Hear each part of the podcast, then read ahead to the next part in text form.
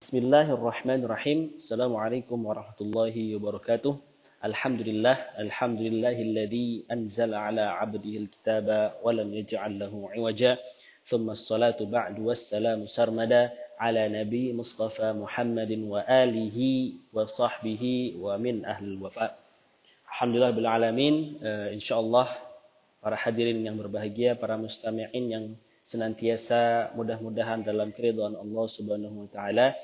Eh, pada kesempatan kali ini kita akan coba melanjutkan belajar kita, belajar tadabbur dan tafsir kita di surat Ad-Duha ya. Setelah sebelumnya di beberapa pertemuan yang lalu kita sudah uh, mengkaji, memahami, mempelajari maksud uh, tafsir dan juga pesan-pesan hikmah dalam tadabbur di surat Ad-Duha ayat 1 sampai dengan ayat yang keempat. Insya Allah pada kesempatan kali ini kita akan masuk kepada ayat berikutnya yaitu ayat yang kelima. A'udzu billahi minasyaitonir rajim. Bismillahirrahmanirrahim. Wala sawfa yu'tika rabbuka fatarda. Wala sawfa yu'tika rabbuka fatarda. Shadaqallahul azim. Ayat ini sebenarnya sungguh uh, azim ya, sungguh sangat besar maknanya kalau kita mengkaji melalui sudut pandang tadabbur yang dalam. Setelah sebelumnya kita membahas tentang makna duha, walaili idza saja dan seterusnya.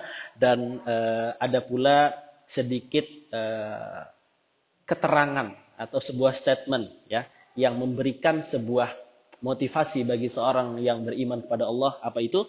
Wal walal akhiratu khairul laka minal ula. Ya sini menggambarkan bahwa Allah menyampaikan kepada Nabi Muhammad SAW bahwa akhir itu lebih baik dari permulaan di sini kita akan masuk dalam ayat yang kelima dan kita akan coba masuk dalam ruang dimensi yang lebih uh, menyentuh hati insya Allah. Ayat ini mengandung makna yang luar biasa dalam. Wala saufa. La di sini ini memberikan sebuah uh, makna dalam kaidah bahasa berarti sungguh-sungguh akan. Wala saufa yu'tika maka Allah akan akan memberikan, sungguh-sungguh akan memberikan Rabbuka, yaitu Tuhanmu kepada Muhammad yaitu Allah fatardo sampai engkau merasa puas.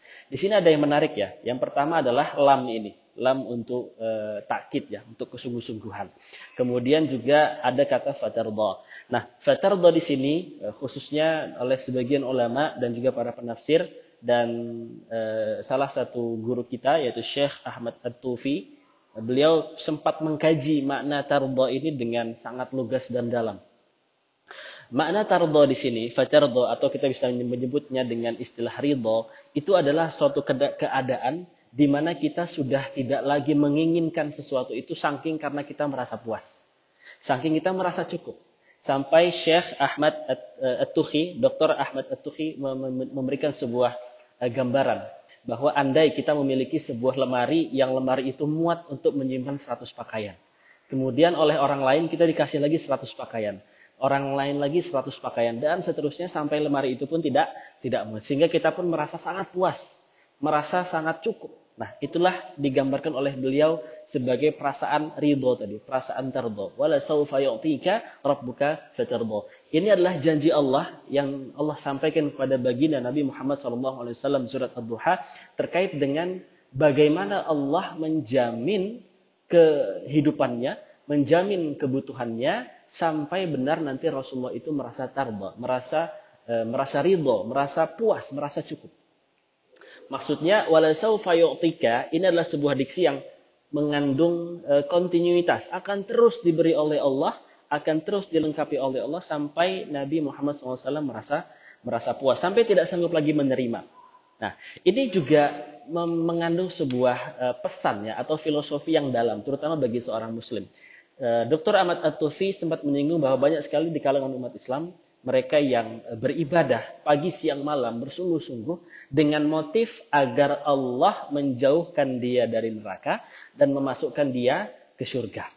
Nah, ini adalah sebenarnya tujuan atau impian yang sah-sah dan wajar saja. Tapi jika dirujuk kepada makna fatardo wala saufa yu'tika fatardo, ini akan e, sangat jauh sekali ya. Ini akan sangat e, sangat jauh dari apa yang sebenarnya Eh, disampaikan oleh Allah di surat yang lain.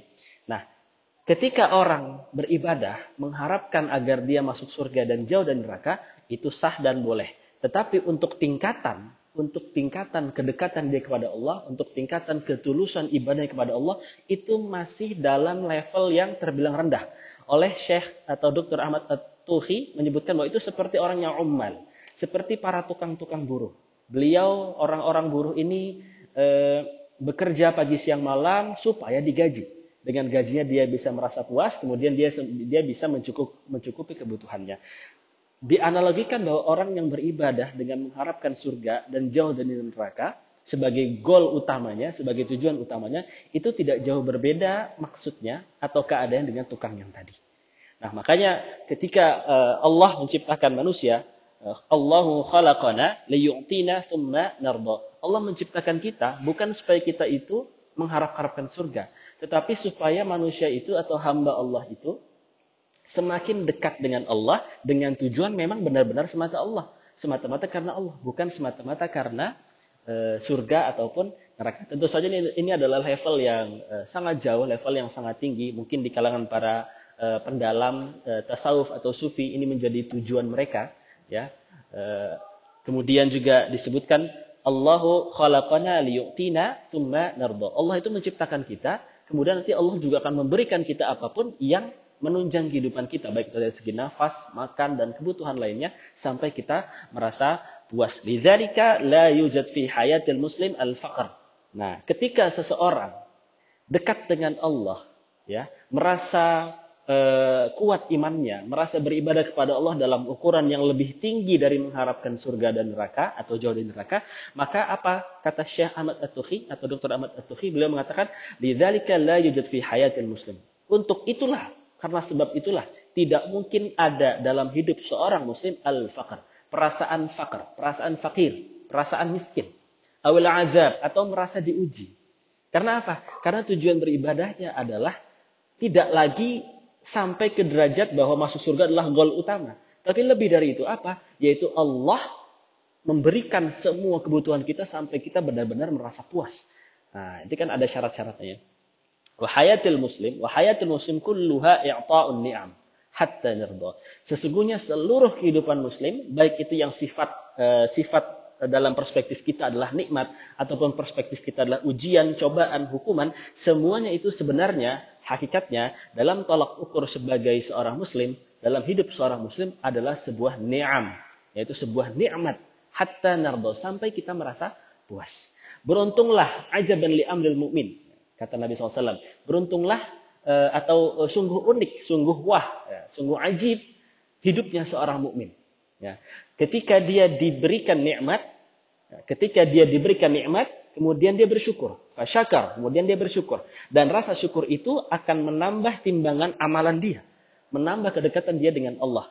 Falamma ketika dia diuji, falamma ibtala, ketika dia diuji, fasabara, maka dia bersabar. Maka syukur dan sabar ini kedua-duanya menuntun dia kepada Allah, menuntun dia kepada surga, menuntun kedekatan dia kepada Allah Subhanahu wa taala. Ajaban li amril mu'min. Untuk itu, tentulah bagi seorang muslim apa pun yang menimpa dirinya hari ini, baik itu sakit, baik itu terhimpit oleh rezeki, baik itu kesulitan dalam belajar, kesulitan dalam usaha, kesulitan dalam bekerja, ataupun diberikan nikmat banyak sekali rumahnya, eh, besar, megah, aman, ibadahnya lancar, kemudian rizkinya tidak henti-henti ketika diinfakkan, kemudian banyak orang yang mengambil manfaat dan faidah dari dia, maka kedua hal tersebut dalam kacamata seorang mukmin, dalam kacamata hidup seorang mukmin, kedua-duanya adalah sarana untuk mendekatkan kepada Allah Subhanahu wa taala. Bagi seorang mukmin, nah, kata Dr. Ahmad Atufi lagi dalam sebuah kajiannya, bagi seorang mukmin surga Masuk surga itu adalah bidayah. Itu adalah permulaan. Berbeda dengan orang-orang. Mungkin di sebagian kita menganggap bahwa masuk surga itu adalah tujuan utama. Bagi seorang mukmin yang benar-benar mukmin, benar-benar berislam, benar-benar beriman, maka masuk surga adalah bidayah, permulaan nikmat. Ya, permulaan nikmat. Apa kata Allah Subhanahu wa taala dalam surat uh, Taubah? A'udzu billahi minasyaitonir rajim. Wa'adallahu al-mu'minina wal mu'minati jannatin tajri min tahtiha al-anhar. Wa'adallahu. Kata wa'ada itu Allah benar-benar bersumpah, benar-benar berjanji ya, berjanji kepada mukminin, orang-orang mukminin dari kata dari laki-laki maupun dari perempuan. Apa yang dijanjikan oleh Allah? Jannatin tajri min tahtihal anhar. Surga, taman-taman surga yang mengalir di bawahnya itu ada sungai-sungai. Ada yang menerjemahkan di sini adalah uh, Al-Kautsar ya. Al-Kautsar. Ada pula yang mengatakan yang lain. Khalidina fiha. Nikmat yang pertama adalah masuk surga. Nikmat bidayah seorang mukmin adalah jannah, masuk surga. Nikmat yang kedua apa? Khalidina fiha. Kekal di dalamnya. Itu nikmat yang kedua. Kemudian yang ketiga apa? Wa masakin thayyibah. Tempat tinggal yang baik. Ya, bertetangga dengan uh, dengan uh, uh, Nabi Muhammad SAW, bertetangga dengan para sahabat, bertetangga dengan kekasih-kekasih kita di dunia, kekasih dalam iman, fi jannati adn, dalam taman-taman surga Aden. Waridwanum minallah. Waridwanum minallah. Dan ridha-ridha Allah. Apa berikutnya? Dalikal fawzul azim. Itulah kemenangan yang paling besar. Apa itu? Zalik ya. Ini zalik menunjukkan ketentuan arah ya, arah yang jauh ya kalau dalam bahasa Arab sekarang. Tapi menunjukkan ke satu, satu, uh, satu objek. Apa objek yang dimaksud zalika di sini? Menurut Syekh Ahmad At-Tuhi, yang dirujuk dari kata zalika itu adalah ridwan kata ridwan yaitu ridho. Ini yang paling tinggi nikmat yang paling tinggi.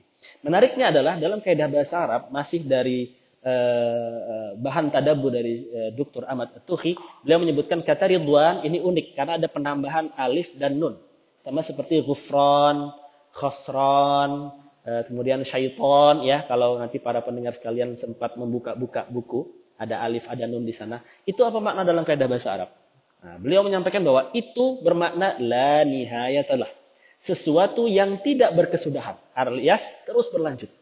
Sesuatu yang terus berlanjut. La nihayatalah. Nah ketika disebut dengan ridwan, maka maksudnya adalah ridho Allah yang terus menerus. Tanpa henti. Ketika disebutkan uh, ghufran, maka ampunan Allah yang terus berlanjut tidak akan berhenti. Begitu juga dengan syaitan. Nah, ini beliau sempat menyinggung masalah syaitan. Dalam penulisan bahasa Arab itu ada alif dan nunnya di akhir syaitan. Maka maksudnya adalah la nihayatalahu fi syarrihi. Maka maksudnya adalah tidak akan stop upaya atau e, kerusakan atau keburukan yang dilahirkan dari mereka, dari bisikan-bisikan mereka. Ini menjadi e, menjadi sebuah alarm bagi kita khususnya kita yang masih e, menganggap bahwa tujuan utama kita beribadah adalah dekat dengan dekat dengan surga, jauh dari neraka.